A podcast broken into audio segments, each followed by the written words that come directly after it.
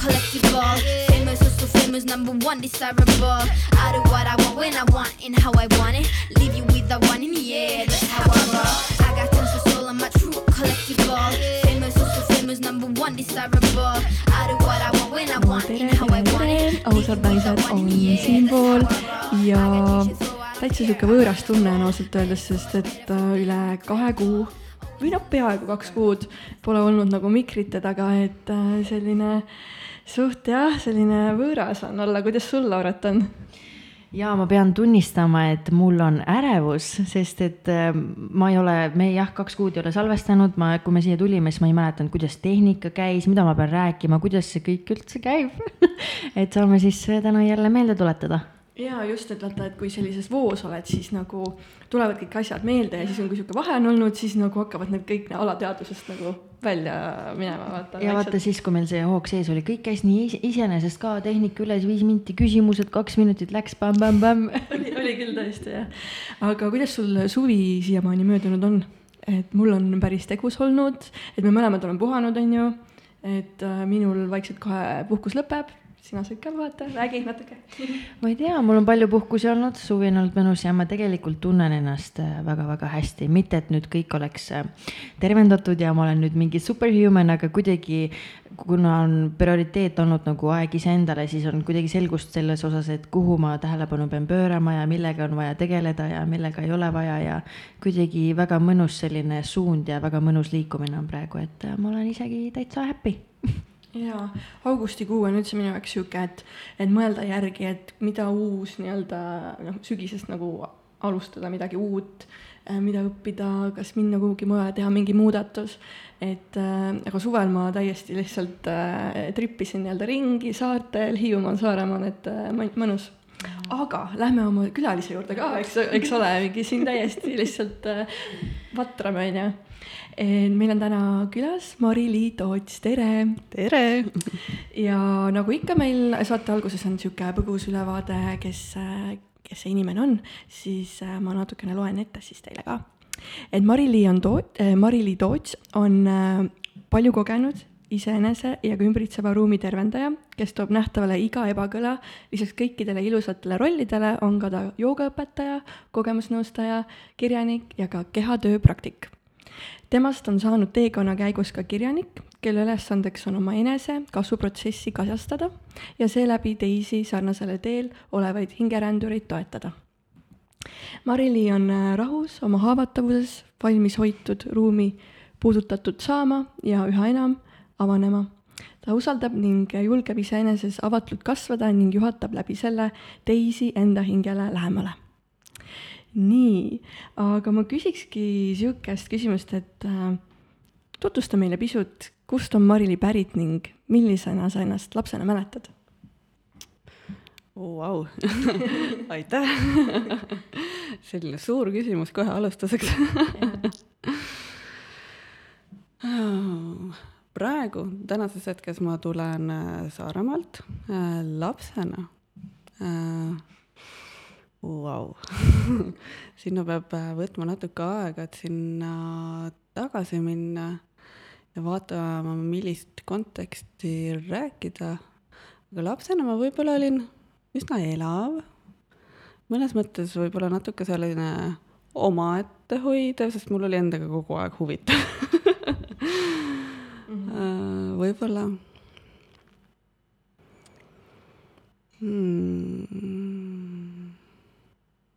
jaa, tegelikult ma saan niimoodi kokkuvõtlikult kohe öelda, et, et, et kui lapsepõlve tagasi minna, siis üks hea võimalus on selleks lugeda raamatut Kukkudes armastusse, sest sealt ta pihta tegelikult hakkab mm. -hmm. sinna me jõuame ka lõpupoole see oli, see oli kerge põgenemise katse aga mäletad sa, kelleks sa üldse lapsena tahtsid saada, on sul meeles see? mul ei ole olnud kunagi konkreetset soovi, et ma tahan kellekski saada, nüüd ma olen hakanud mõtlema, mis mulle lapsena meeldis teha. mulle meeldis lapsena laulda, ma mäletan, ma istusin aknalaua peal ja tegin akna veel lahti ja teised kuuleksid niimoodi viiendal korrusel ja siis laulsin näiteks. siis on mulle meeldinud äh, liikuda, metsas käia, looduses käia äh,, mida ma veel mm. nukkudele sai hästi palju riideid õmmeldud. tunnistama, riided meeldivad mulle siiamaani selline käsitöö ja nokitsemine on ka sinu valdkond? Ehm, no natukene ikka jah, jah, natuke ikka, et ikka peab vaatama, et asjad kokku sobivad ja mm. -hmm. no meil istub ikkagi looja hing siin meie ees aga mm, kogemusi on sul ju palju ja projekte on palju ja raamatuid on palju ja rolle on palju, et eh, mis on üldse sinust teinud selle inimese, kes sa tänaseks oled? Äh, väga ilusti öeldud, elukogemus äh, elu ehk siis äh, päris palju erinevaid katsetusi tegelikult, otsimisi, erinevaid töövaldkondi, ma alustasin ju tegelikult ülikoolis maastikuarhitektina mm.. nii et äh, täiesti kirjutatud äriplaan ja nii edasi. aga mingi hetk äh, see teema minu jaoks äh, ammendas, sellepärast et äh, mul endal ei olnud aega, aeda ja ta jäi nagu kõik niimoodi paberi peale. Ja sinna vaikselt oli mul juba hakanud kõrvale tulema selline eneseotsingu tee ehk siis massaažiõpingud ja joogaõpingud ja, ja see nagu suunas niimoodi sinna eheduse poole ja ma enam ei tahtnud elada peas vaid ma tahtsin liikuda järjest rohkem sinna praktilisuse poole, sest ma võin ju mõelda küll, et kuidas need asjad välja näevad. aga kui ma tegelikult ei näe, siis äh, ma tahtsin rohkem teada, nii et äh, sealt siis hakkas toimuma see väike suunamuutus.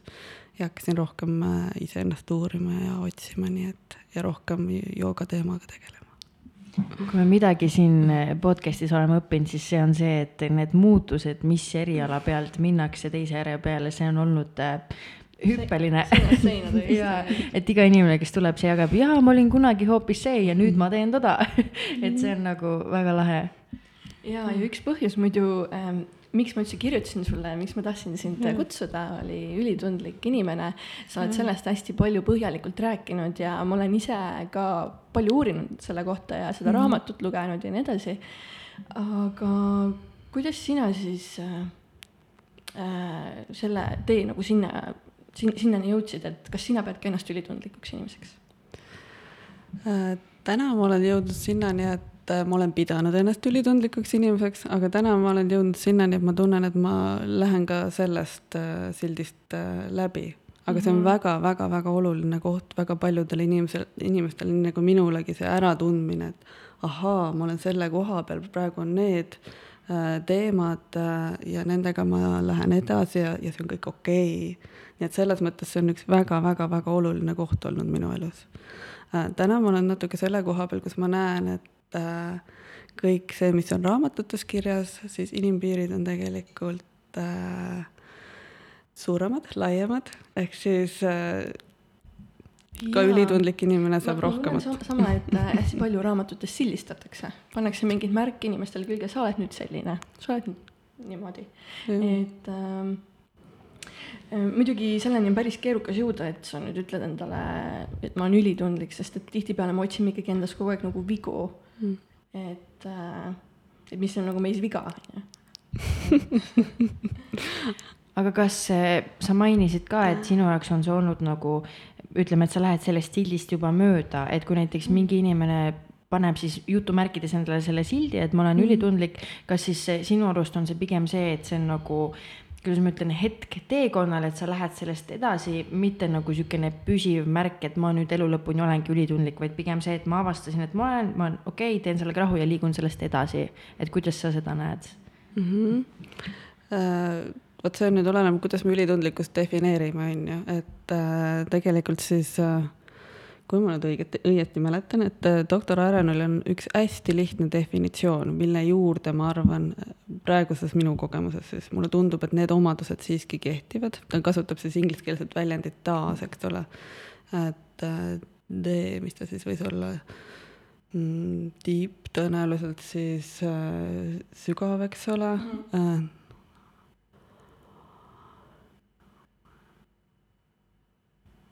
ma võin praegu eksida overstimulation ehk siis äh, jah, äh, siis äh, empaatia, eks ole, ja emotsioonide tugev tundmine ja tundlikkus, just. ja kes täpselt tahab vaadata, siis ülitundliku kodulehe peal või siis Ärani raamatus on täpselt see sul on definitsioon. tegelikult minu arust koduleheküljel test ka või? ja, ja et seal saab nagu testida iseennast ka, et aga kuidas sina selleni jõudsid, et sa said aru, et okei okay,, ma olen ülitundlik?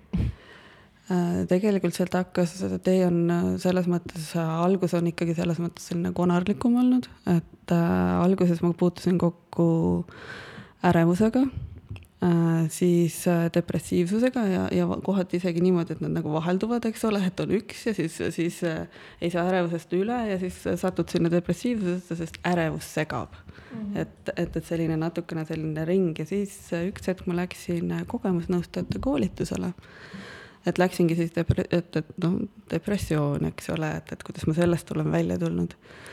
ja siis ma sain aru, et mm -mm, need on ainult tagajärjed, et see ei ole üldse see tuum või see ei ole üldse see baas, et saab minna palju sügavamale ja tol hetkel ma jõudsin siis äh, ülitundlikkuse juurde. et okei okay,, hoopis niimoodi ja siis ma toimetasin ka üsna, üsna intensiivselt selles valdkonnas, jah. ja kogemusnõustamisest kindlasti veel räägime mm. lähemalt Äh, aga kes on sinu arvates siis ülitundlikud inimesed, mida nad kogevad nagu teisiti kui tavainimesed mm? -hmm. no see erinevus mm. -hmm. ütleme, mis minu enda jaoks on, ongi võib-olla seesama, see, see hea sõna tundlikkus on ju, et aga mida, mida see tähendab, on ju. et äh, emotsioonide tajumine sügavuti äh,, detailide märkamine, üks hästi põnev valdkond on tegelikult selline seoste märkamine, et et see teeb elu hästi-hästi huvitavaks kohe. Äh, ka tegelikult ka ilutaju, äh, kunstnikud, muusikud, muusikud, muusika kuulamine, selline iga heli väljakuulamine. et äh, ongi, mis poole pealt me nüüd läheneme, on ju, et, et kui me oleme siin linnamüra keskel ja ikkagi on nagu suur tipptund, on ju, ja trammid sõidavad ja kõik, keegi räägib telefoniga, siis see võib olla häiritus aga kui sa lähed äh, kontserdile või mängid ise pilli, siis sa kuuled iga nüansi ja see käib läbi kogu su keha ja see on, see on väga-väga-väga nauditav, see on väga värviline, et äh, aga ma ütleks seda ka, et selle naudingu juures käib ka pahupool ka, ma ise nagu samamoodi ülitundliku inimesena tunnen ennast nagu nendes omadustes väga ära mm. -hmm. ja mul on samamoodi, kui sa midagi naudid, sa naudid seda väga, kõik, kas on see mhm. muusika, on see pilt, on see -hmm. ilu, aga mul vahepeal tekitab ärevust ka see, et ma tunnen liiga palju. et näiteks, mhm. kui ma olen tööl, siis ma tunnen, okei okay,, mul on riided seljas, mul on juuksed, mul on küüned, mul on telefon käes, ma tunnen, et ma tunnen seda kõike on liiga palju ja siis mul tekib ärevus ja siis ma mingi tahaks kõik mm -hmm. nagu ära võtta, et vahepeal on seda tunnetust nagu liiga palju mm. -hmm, mm -hmm. jaa. mis sa arvad, kas ülitundlikke inimesi siis peetakse haigeks nagu ühiskonna poolt? no mina ei saa seda arvata, eks ole mm. -hmm. ja, ja ei tahagi tegelikult mm -hmm. arvata, et no,. sa oled nagu kindlasti tajunud, et mida nagu tunnetatakse äh,? ülitundlike inimeste jaoks on nende omad äh, valdkonnad, ehk siis kui me tuleme, ütleme äh, sellisest taustsüsteemist, kus võib-olla ei ole seda mõistmist ja me oleme teinud midagi, mis tundub niimoodi, et me oleme ennast liiga palju surunud teistsuguseks, ehk siis väga tihti võib juhtuda see, et me tahame olla teistsugused, siis läheb raskeks. ja siis võib-olla tulevad need sildid ja hinnangud, aga kui ülitundlik inimene algusest peale on nii-öelda oma liistude juures, et ta tegelikult teeb seda, mis teda kannab siis, siis kõik need sildid jällegi kaovad ära, aga väga paljudel meist on ikkagi see tee, et, et alguses me läheme nii, nagu on õpetatud või nii, nagu me arvame võib-olla kasvatame iseennast ümber ja siis saame aru, et see ei ole võimalik ja siis me hakkame neid kihte maha võtma ja, ja seesama ilus, tundlik inimene hakkab sealt alles välja kooruma ja mis sealt lõpuni välja tuleb, me isegi ei, ei tea. Nii et ma ütleks ka, et see on teekond, nagu Elis mm., sa ka mainisid ilusti, et mitte sa ei pane endale silti külge, et ma olen nüüd see, vaid see aktsepteerib mm., et ma olengi tundlikum ja see on ilus mm.. et eh, mis sina arvad, kas ühiskond on nagu teadlik üldse sellist laadi inimestest või on pigem see, et nad temmeldatakse kohe, et sa oled lumehelbeke, sa oled see suhkruvatike ja sulle ei saa midagi öelda, sa kohe oled see, see, see. et kuidas sina mm. nagu enda kogemusest oled näinud või tundnud mm? -hmm. mida aeg edasi, seda Äh, seda sõbralikumaks keskkond läheb, sest tegelikult ei ole valikut, sest lapsed sünnivad järjest tundlikumana. et, et kõik see noorem, noorem põlvkond tegelikult äh, tõstab seda tundlikkust ja siis ka nii-öelda seal eesminejatel läheb tegelikult selle võrra kergemaks. ja neil on võimalus siis juba, juba ongi kas juhendada omast kogemusest, et mina oleksin tahtnud, et minuga oleks võib-olla niimoodi käitutud, on ju. sest see ka lastevanemate teadlikkus praegu on juba niivõrd palju tõusnud, et see on, see on nii ilus, see on, see on, see on imetlusväärne ja ma olen ka seda tunnetanud, et võetakse nagu rohkem vastu ja on tolereerivamad. mina ka rääkisin endale kogu aeg, et äh, ma olen ülitundlik, küll aga hakkasin mingil hetkel aru saama, et ma olen nagu mingis mõttes pooleldi mm, -hmm. et äh, võtan nagu teiste emotsioone hästi tugevalt üle, tunnen hästi intensiivselt seda äh,. Aga kehaliselt ma nii tundlik ei ole, et äh, mind ei nagu linnamüra ja mingid siuksed hästi kõvad hääled nagu väga ei anna mingit ebameeldivat sellist aistingut äh, kehasse mm, -hmm. mida ma olen nagu teistelt kuulnud, et on mm. -hmm. et kui palju erinevaid tundlikkusi oled sa siis ülitundlike inimeste puhul nagu tunnetanud, märganud, kui sa oled neid nagu nõustanud ka, on ju? Mm, no siit tulebki täpselt seesama, et ülitundlikud inimesed on tegelikult täpselt samamoodi väga erinevad mm. -hmm. ja, ja sõltub muidugi ka keskkonnast ja üks oluline koht, mida ka tundlikul inimesel tasub tähele panna, on tegelikult see, et et mõnikord on ka nemad üleliia tundlikud, oma tundlikkusest tundlikumad mõne sellise lahendamata trauma tõttu, nagu ka teistel, keda me siis antud juhul ei nimeta ülitundlikeks, on ju. Nii et, et selles mõttes ka seal on natukene selline ohukoht, mida tasub jälgida, aga tundlikkus võib olla absoluutselt igas valdkonnas, nagu sai mainitud, et materjal näiteks või, või, või toit, eks ole, või või, või helid või, või ka valgustugevus, eks ole, et, et see kõik mõjutab mingites situatsioonides, aga jällegi, et tundlikul inimesel samamoodi, et, et mida rohkem sa oled iseendaga kooskõlas, siis mingi hetk on tore märgata, kuidas need äh, mõjutajad, mis mingi hetk võib-olla mõjutasid rohkem, nüüd äkki mõjutavad tegelikult vähem. nii et, et ka siin on alati need nüansid juures ma siia vahele ütlen naljaka fakti, et minul kõige suurem ülitundlikkus on rätikute osas, need ajavad mu südame pahaks ja ma ei suuda neid katsuda, need on minu jaoks nagu siuksed, et nagu mul tekib alati nagu, on mingid ajad, kus ma suudan neid katsuda, kui nad on natuke niisked, aga teisel mm -hmm. kordadel, kui ma mõtlen rätikute peale, mul tekib kananahk, mul tekib ärevus, minu arust nad võiksid mitte eksisteerida üldse maailmas. kuidas sa kuivatad ennast? Mul ongi, ma teen nagu rätiku teen niiskeks ja kui ta on nagu märg, siis ma ei tunne seda tekstuuri niimoodi, siis ma saan nagu patsutada, aga kuivrätikut ära too mu lähedale, nagu mm. ei aga ma tahtsin küsida, sa väga ilusti rääkisid, et ülitundlikkus võib kõige osas siis esineda. et mida nagu sina soovitaksid siis ülitundlikule inimesele, et emotsioon ei võtaks nagu keha ja mõistust ja kõike nagu üle ja sa suudaksid ikkagi selgelt reageerida mm? -hmm no üldiselt on ikkagi see, et see ülereageerimine on juba millegi, millegi tagajärg. Mm.. ehk siis äh, äh, ülitundlike inimeste, ka minu oma tee on täpselt samamoodi, et see suund on ikkagi olnud seal suunas, et need äh, ülereageerimisi tegelikult siis äh, jääks äh, vähemaks.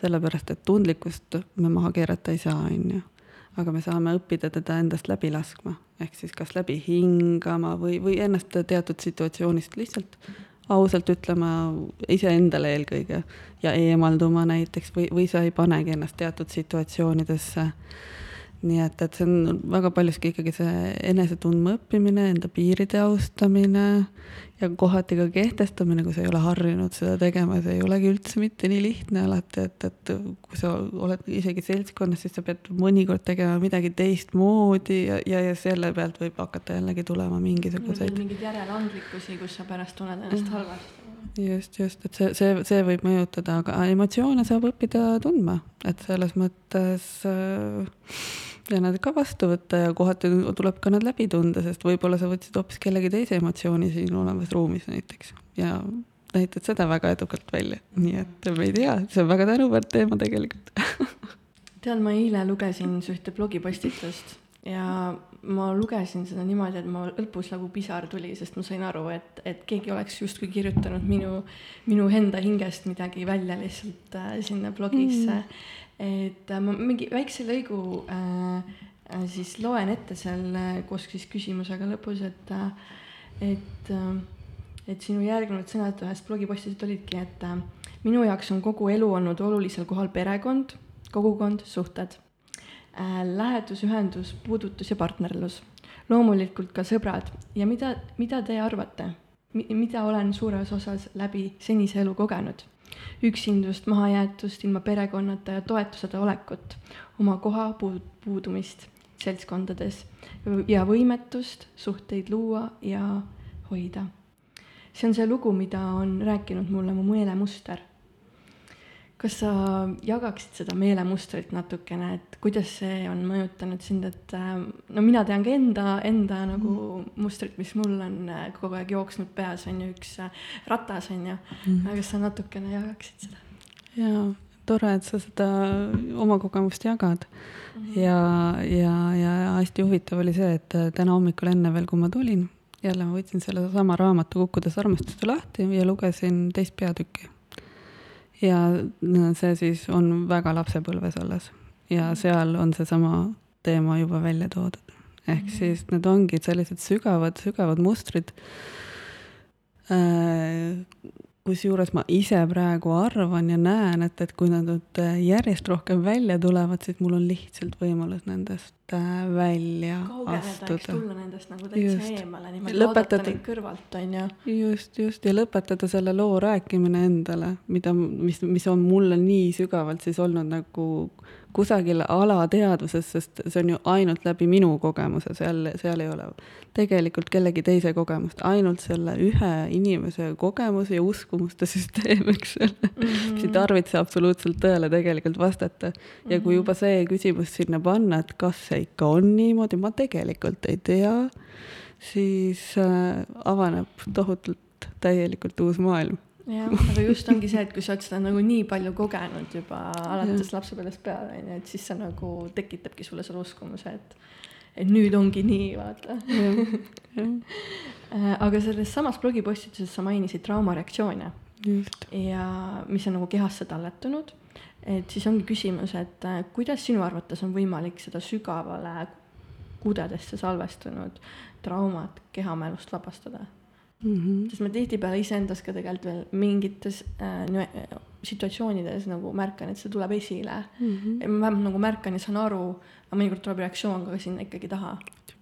Mm -hmm. muidugi tuleb, et, et seesama veel, veel ma korraks lähen sinna tagasi, et, et see ongi see, et, et, et need teemad, mis ma välja kirjutan jällegi, et, et ma kirjutan neid, äh, kohati nad on justkui sarnased, aga nad lähevad iga kihikeele sügavamale, see ongi see, et, et ma oma eluvaldkonnas midagi muudan, panen ennast täiesti uude situatsiooni inimeste keskel, on armsad inimesed juba ümberringi ja siis märkan, et ups, jälle mingi reaktsioon tuleb kuskilt ja väga sügavalt ja ma ei mõtle seda välja ja ma ei saa teda ka otseselt ära maha suruda, ehk siis sellega me jõuamegi sinna kehareaktsioonide juurde, eks ole. kõige parem vahend on äh, lõdvestumine seda ütlevad nii paljud jah, aga see on selles mõttes see, et me arvame, et me vahel me arvame, et me oleme lõdvestunud, aga tegelikult neid kihte tuleb nagu veel ja veel ja veel. et sa tunned ära selle, kui sa tunned, et sa oled täiesti lõdvestunud. ja ka see lõdvestunud situatsioon annab võimaluse tulla veel millelgi varjatul esile, eks ole see lõdvestunud situatsioon vist ma olen tundnud, et ta nagu toob mingil määral mingeid asju esile ka, et kui sa oled sada protsenti lõdvestunud, sa ei mõtle muudele asjadele, siis hakkab nagu tulema, et peas hakkab käima, et okei okay,, see mm -hmm. ja see, et see hakkab nagu taipamisi tulema ka pähe. Ja, ja, ja, ja, ja see annabki võimaluse sealt siis mitte nüüd ära põgeneda, vaid jääda sellesse olekusse ja läbi kogeda või läbi hingata või vahel on ju niimoodi, et ma pean kindlasti midagi muud tegema, et kas ma pean telefoni vaatama või ma pean kusagile minema või, või ütleb keha, et mul nüüd äkki läks kõht tühjaks, eks ole, et, et selles mõttes proovida jääda sinna kohale. väga mugav olukord ju, eks proovi ka siin kiires elus nüüd päev otsa nüüd lõõgastuda no just, no meil on käinud ka tegelikult siin saates neid äh, trauma vabastamis hingamisega seonduvaid mm. inimesi et nad on nagu rääkinud äh, sellest ka põhjalikult, et kuidas seda traumat ikkagi vabastada kehast mm., kehalisest, kehalisest aspektist mm. nagu. Aga ma tahtsin positiivses mõttes veel selle ülitundlikkuse kohta küsida, et kui mina selle ülitundlikkuse teema sees olin, siis ma kuidagi ei vaatanud, vaadanud ka endas seda positiivselt, et ma olin nagu, et miks ma nii palju tunnen, miks ma kõikide inimeste emotsioonid üle võtan, miks ma olen nii empaatiline, nagu mul võiks ju lihtsalt olla savi kõigest, elu oleks nii palju lihtsam, nagu et miks ma võtan kõike nii hinge. aga siis mingi hetk ma sain aru, et nagu fuck it, see on ilus omadus, nagu tänu mhm. sellele saab ju nii palju ilusaid asju ka teha, et ei tasu seda endast nagu maha suruda või maha teha aga noh, tihtipeale on see nagu raske vaadata positiivses mõttes, kui jälle kõik on ülepea kokku käinud mm. -hmm. et kas on nagu miski, kuidas seda omadust nagu positiivselt hoida või nagu veel rohkem edasi arendada või kuidagi nagu aita mind välja, kuidas ma ütlen, seda nagu, ma ei tea, nagu no, tõsta jah, et umbes nagu pillimängu, et sa ei ole mingi, et fuck, ma nüüd oskan klaverit mängida nii halb ikka, vaid nagu, et kuidagi, et oo oh,, et ma oskan klaverit mängida, kuidas ma saaks seda veel paremini teha, et mis sa arvad sellest? Ja sa tegelikult osaliselt juba vastasid ise oma küsimusele, ehk siis, äh, ehk siis kuidas sellest ülitundlikkusest siis supervõime teha, eks ole.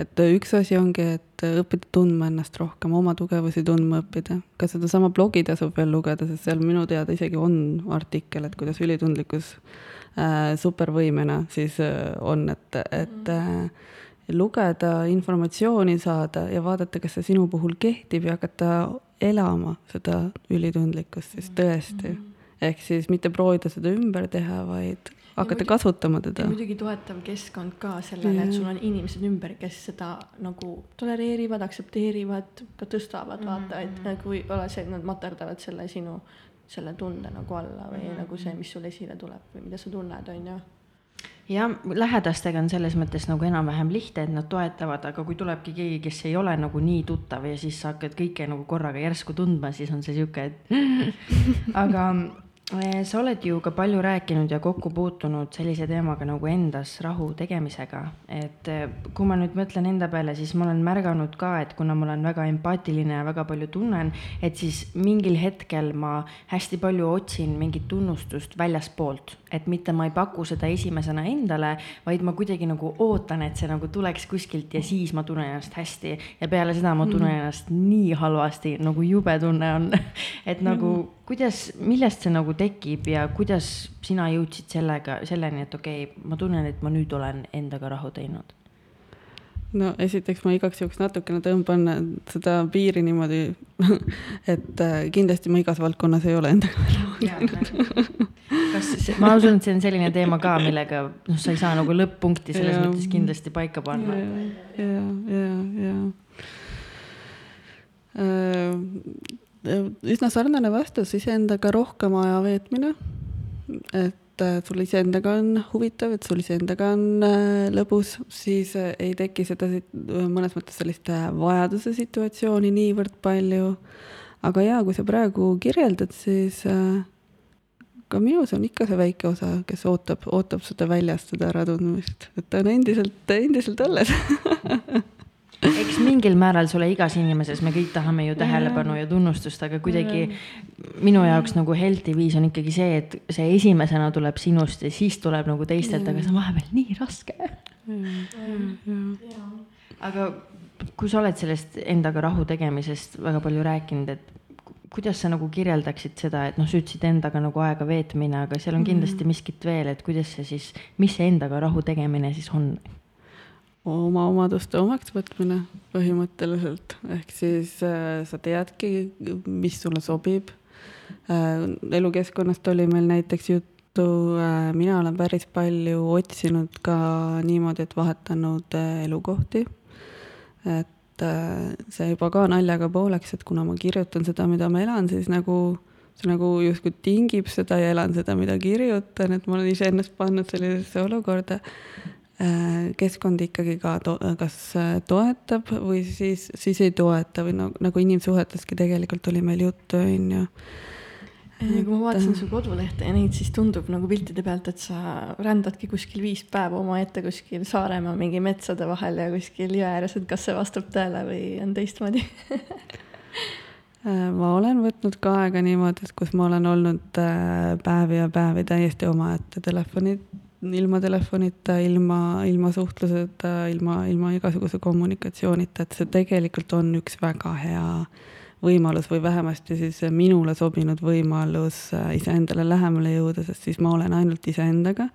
väga lihtne on ära eraldada, et äh, kõik see, mis tuleb, tuleb ainult minu seest. ehk siis ma ei saa mitte kellelegi öelda, et, et keegi väljast mulle ütleb midagi, et või et ta kuidagi mõjutab mind, sest ka meie enda sees on mingisugused ikkagi jälle mingisugused tõekspidamised või nagu me enne mainisime, Mhm. eks ole, et, et, et oma sisekõnet iseendaga tasub, tasub tegelikult jälgida. et mida ma iseendale ütlen. noh, Lauret, teed ära selle challenge'i, kümme päeva isolatsioonis, metsa, ei vä? Ütlen ausalt, ma ei ole isegi lähedal selleks, et selleks valmis olla. eks selleks ei saagi valmis olla, sa pead ennast sinna viskama, aga Mm, kümme on võib-olla palju Jaa. alguseks, võib-olla mingi kolmega alustada ja siis edasi. teame esialgu võib-olla siin üks-kaks. ja, ja see oleneb ka, mis, mis, mis keskkonnast või mis elurütmist sa ju parasjagu tuled, et selles mõttes ikkagi tuleb vaadata nii, et sulle on, kuidas ma siis ütlen, jällegi piirid paigas, et ei ole mõtet panna ennast olukorda, kus sul, sa juba tead, et on nagu hirmus, hirmus raske, milleks, et Mhm, äh, võiks seda nagu luua endale onju, jaa, et pigem jah. ikkagi siukest rahu luua just, pigem. just.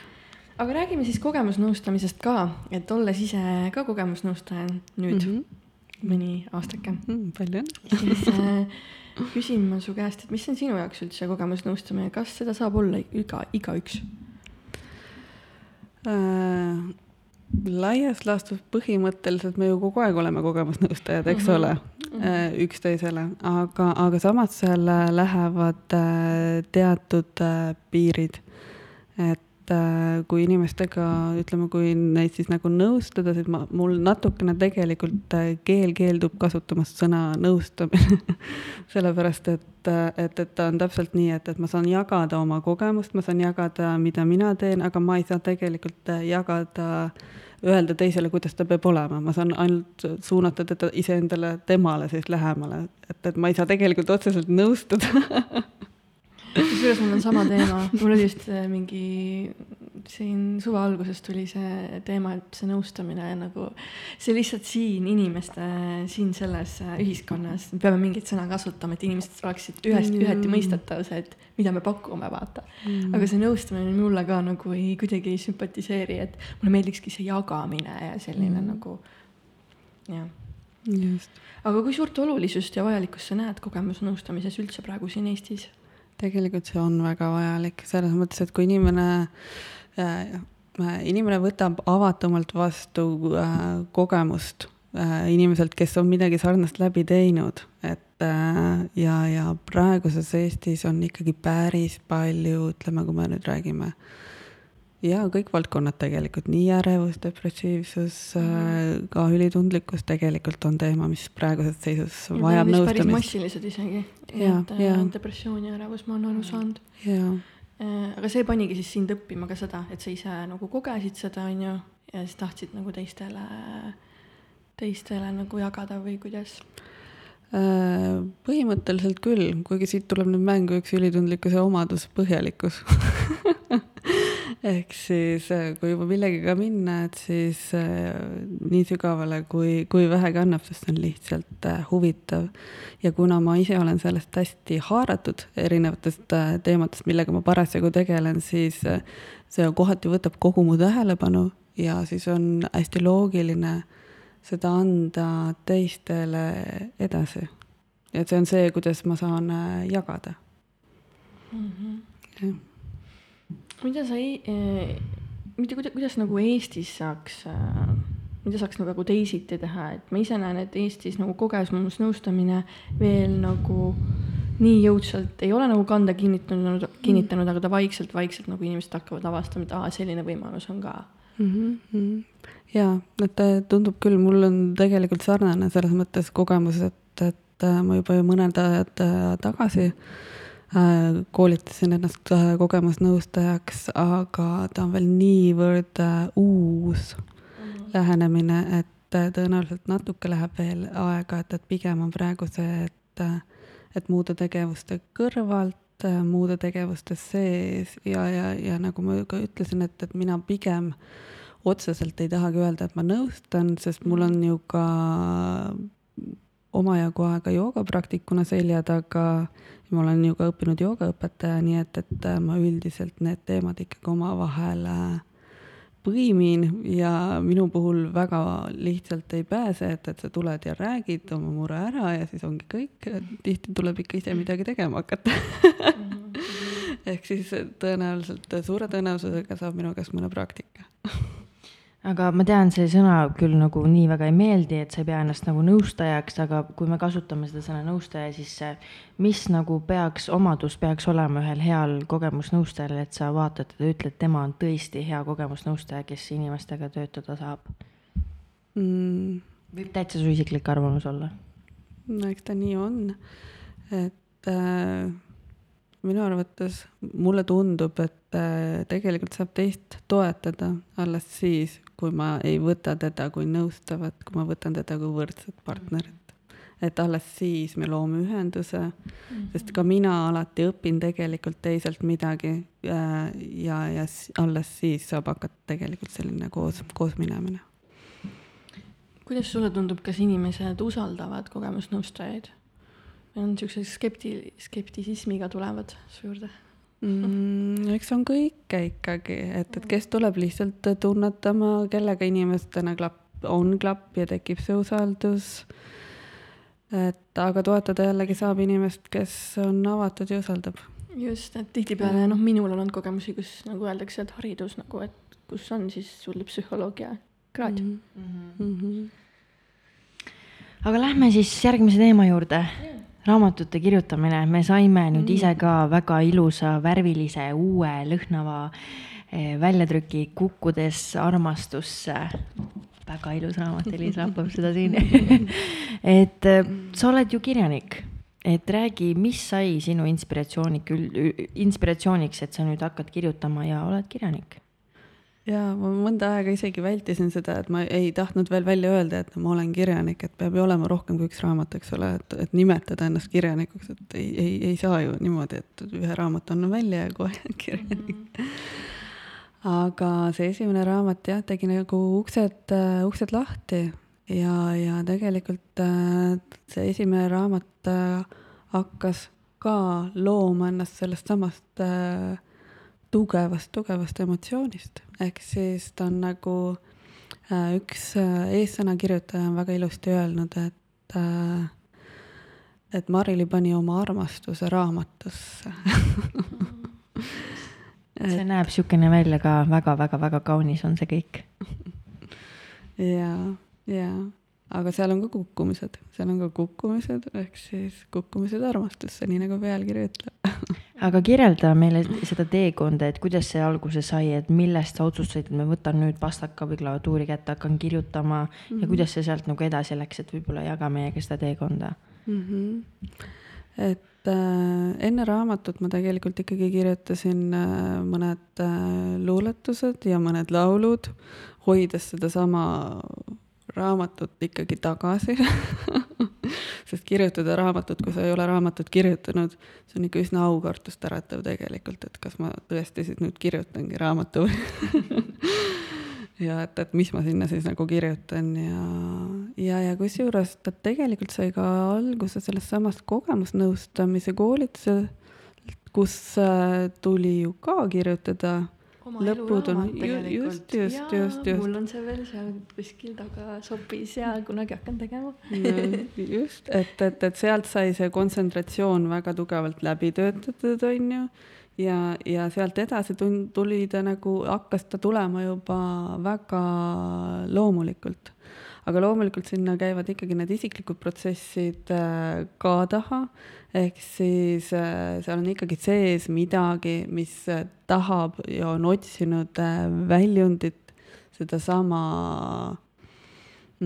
suhete teemat käib seal läbi, nagu naisterahval ikkagi kohane on ju et, et sealt tulevad tegelikult ikkagi need ajendid, kus tunned, et, et okei okay,, ma, ma, ma nüüd ei tea, mis on ja kuidas on, et aga minu sees on nii palju ja ma ei oska teda kuhugile anda ja ma ei saa täpselt veel aru ka. ja siis ma leidsin enda jaoks sellesama kirjutamise vahendina, et, et ma hakkan kirjutama ja ega ma täpselt ei tea, kuhu ma välja jõuan. selle raamatuga oli tegelikult samamoodi, et, et mul oli üldraamistik paigas ja ma hakkasin kirjutama ja näed, esimene raamat on väljas ja mitu tükki on veel nii-öelda tagataskus ja ootavad ilmumist. Aga millest see Kukkudes armastusse üldse räägib, mis, jagame natukene sneak peek, mis seal sees on?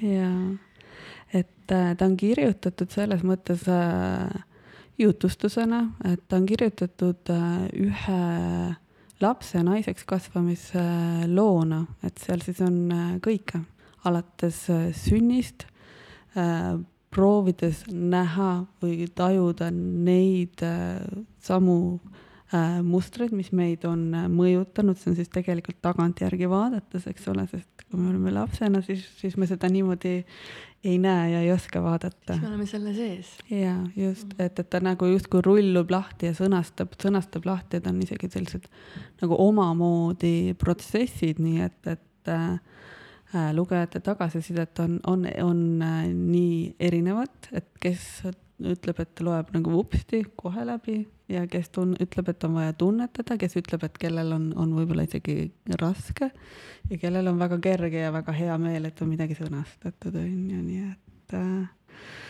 nii et äh, ta räägib sellest, kuidas meie äh, alateadlikud tundemustrid, mõttemustrid äh, meie elu võivad mõjutada ja see on siis see üks ja see esmane kiht järgmiste raamatutega juba sügavamale, konkreetsemate teemadega.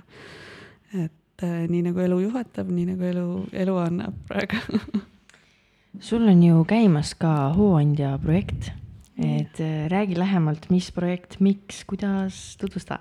jaa, et nii ta saigi, et kõigepealt tuli esimene raamat äh, välja, siis ma kirjutasin tegelikult äh, juba ütleme, vist kas juba aasta tagasi juba lõpetasin ühe raamatu, mis ei ole siiamaani välja tahtnud tulla, sest ma arvasin, et ma lõpetasin ta tegelikult, ta on tahtnud natukene pikemaajalist äh, äh, lõpetamist ja äh, siis selle projekti juurde minnes, siis äh, äh, kuna proosatekst on selline omaette žanr, siis äh, need äh, luuletuste raamatud äh, äh, hakkasid äh, sealt justkui vahelt äh, välja kukkuma, ehk siis äh, tekkis mingisugune tunne, tekkis mingisugune seisund, mis äh, tahtis kiiret, lihtsat, konkreetset väljundit ja tuli jällegi teatud tekst. Ehk siis ma tegelikult ei nimetaks neid päris äh, luuletuste raamatuteks, ehk siis ta ei ole nagu päris Nad ei ole tihti sellised, et, et ma igatsen midagi või ma ootan, vaid nad on pigem pigem ka sellised omaette protsessid või, või isegi meditatsioonid või mingisugused maailma taipamised, aga hästi lihtsalt, hästi konkreetselt äh, erinevaid äh, tundeid siis võimalik läbi kogeda ja äh, Hooandjas siis praegu on tõesti niimoodi, et äh, me kogume toetust, et need neli luuletuste raamatut äh, saaks ka ilmuda, sest mm, mida ma te veel teen, ma oma tekstidele panen juurde kuupäevad. Ja ma olen juba saanud ka tagasisidet, et tegelikult on väga huvitav jälgida, et ahah, mis ma proosatekstis olen samal ajal kirjutanud ja mis siis tuleb nagu luuletuse raamatust. ja luuletuste raamatuid on mul siis äh, Kuulates vaikust üks ja kaks, siis on äh, Hetkepuudutus ja ühenduses allikaga. Neil on kõigil kuupäevad äh, juures, nii et nad tegelikult algavad kusagilt ja viivad sind kusagile. nii et nad on mõnes mõttes moodustavad justkui äh, terviku, just, just, just, jaa. Need on siis äh, kirjutatud nii päevikuga ja luulevormis või ainult luulevorm? Äh, need, need neli raamatut on siis äh, selles mõttes, nad on ikkagi äh, luulevormis Mm -hmm. ja proosatekstid, mis siis veel ei ole päris välja, mis on nii-öelda siis, kuidas ma siis ütlen, nad on kirjutatud, nad ei ole veel raamatu kujul lugejale kättesaadavad. et need siis jah, proosatekstidena, nii et on kaks žanrit tahad meile midagi ette ka lugeda mingitest teostest? Ikka tahan. Ja nende luuleraamatutega on niimoodi, et ma olen neid juba natuke ette lugenud, et Youtube'ist näiteks saab vaadata, aga Äh, ma jätkan äh, sarnast protsessi, äh, mis ma olen teinud, ma ei ole välja valinud, mida ma tahan ette lugeda, vaid ma võtan raamatu, mis mulle jääb kätte. ja ma ei mõtle liiga palju. Ja võtan ta lahti. Hmm.. Ja loen ette selle loo, mis parasjagu tuli. päris pikk lugu tuli. Hmm.. nii et saab sättida ennast kuulama. Jaa, tuli selline lugu, mis on äh, kirjutatud kahekümne, kahe tuhande kahekümnenda aasta septembris. Ja linnuna sündinud. Kui kaugele võin ma sinust lennata, et ühendus säiliks? kui sügavale sukelduda kui tugev on sinu ühendus? kui terav ja tundlik sa oled? kui peent võnget suudad vastu võtta? kui tugeva signaali välja saadad? Kui kaugele võin sinust minna, et ühendus säiliks? tunnen ikka su kohalolu, kogen su hingamist oled kilomeetrite kaugusel, kuid ometi minuga. kui sügavale võin sukelduda? kui kõrgele tõusta? oled sa veel minuga või juba unustad? kui kaugele võin minna, et ühendus säiliks? Näeme samu tähti ja vaatame kuud.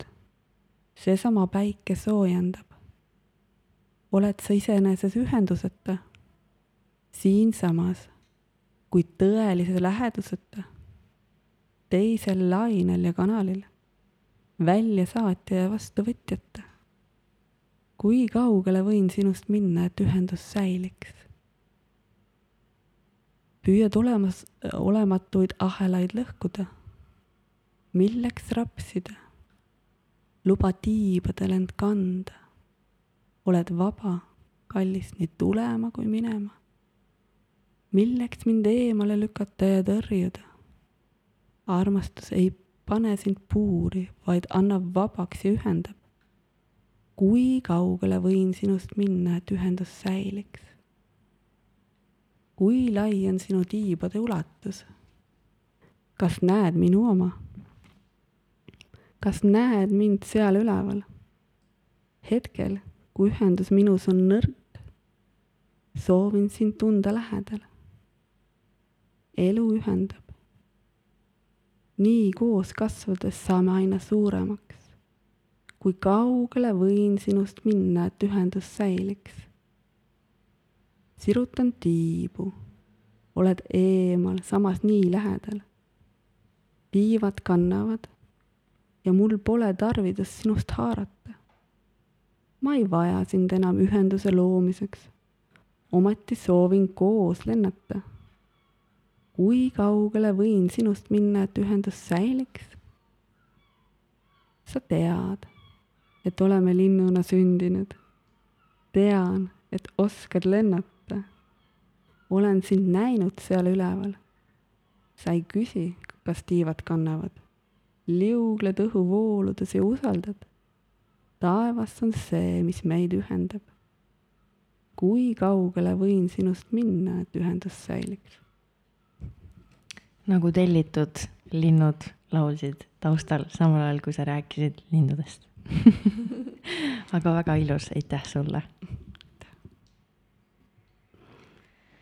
huh ei oskagi kohe midagi kosta, ma läksin ise nii meditatiivsesse seisundisse, et nüüd on sihuke zen mode aga mm, hakkame siin tegelikult tasapisi lõpetama ja ma küsikski, et eh, sul ju teekond on olnud pikk, palju kogemusi, et kogu oma teekonna jooksul, eh, mis sina ütleksid, mis on sind kõige rohkem õpetanud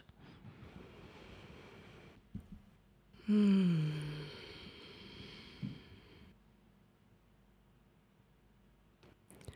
Kaks esimest vastust oleks kohe niimoodi, et armastus ja elu ise. Eks ta nii kipub olema, need on need põhi, põhiasjad jah. Ma tahtsin küsida veel seda ka, et need luuleraamatud, kas sul on ähm, enda peas nagu mõeldud ka või mingi suunatlus, et kellele need üldse mõeldud on või lihtsalt seal ei olegi piiri, kõik, kes tunnevad, võtavad selle raamatu kätte? Mm, no üks, üks termin on kindlasti see, et, et kes iganes tunneb, on ju, et äh, kutset, et siis see on imeline, kui nad nendeni, nende, nende inimesteni äh, jõuavad, aga võib-olla ka inimesed, kes äh, tahavad enda roh-, enda kohta veel rohkem teada. uudishimulikud võib-olla tahavad ka enda maailma kõrval näha kellegi teise maailma ja oma pilte laiendada. et äh, kes otsivad võib-olla ühendust sest, sest nii need raamatud äh, juhatavad. ja sealt võib saada vihjeid. Või siis äratundmisi iseendas, sõnastusi, juba tead-, teadmuse kohta.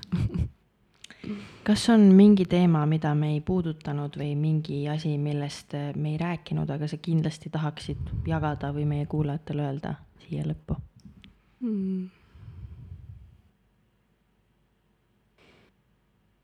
hmm.? ilusti tegelikult käisime praegu selle teekonna läbi.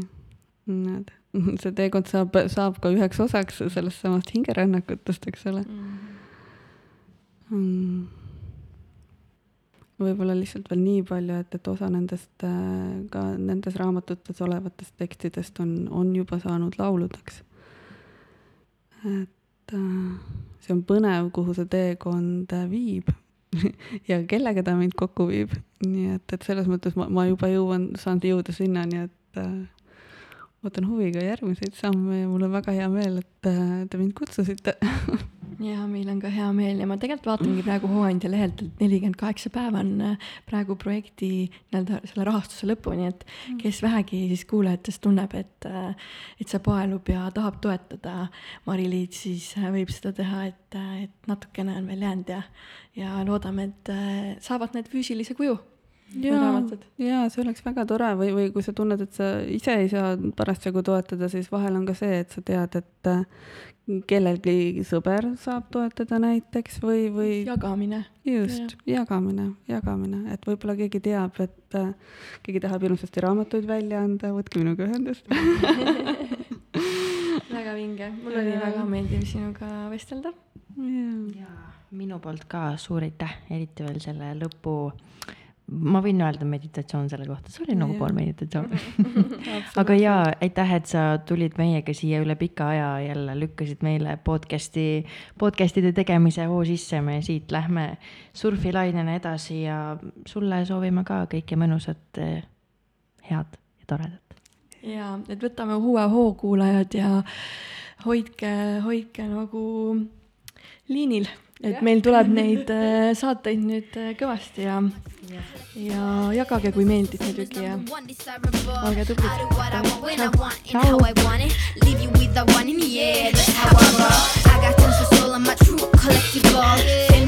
Famous number one desirable. I do what I want when I want and how I want it. Leave you with the one in the air. That's how I roll. I got change to throw. I don't care about no gold. Better, so much better, flipping credit.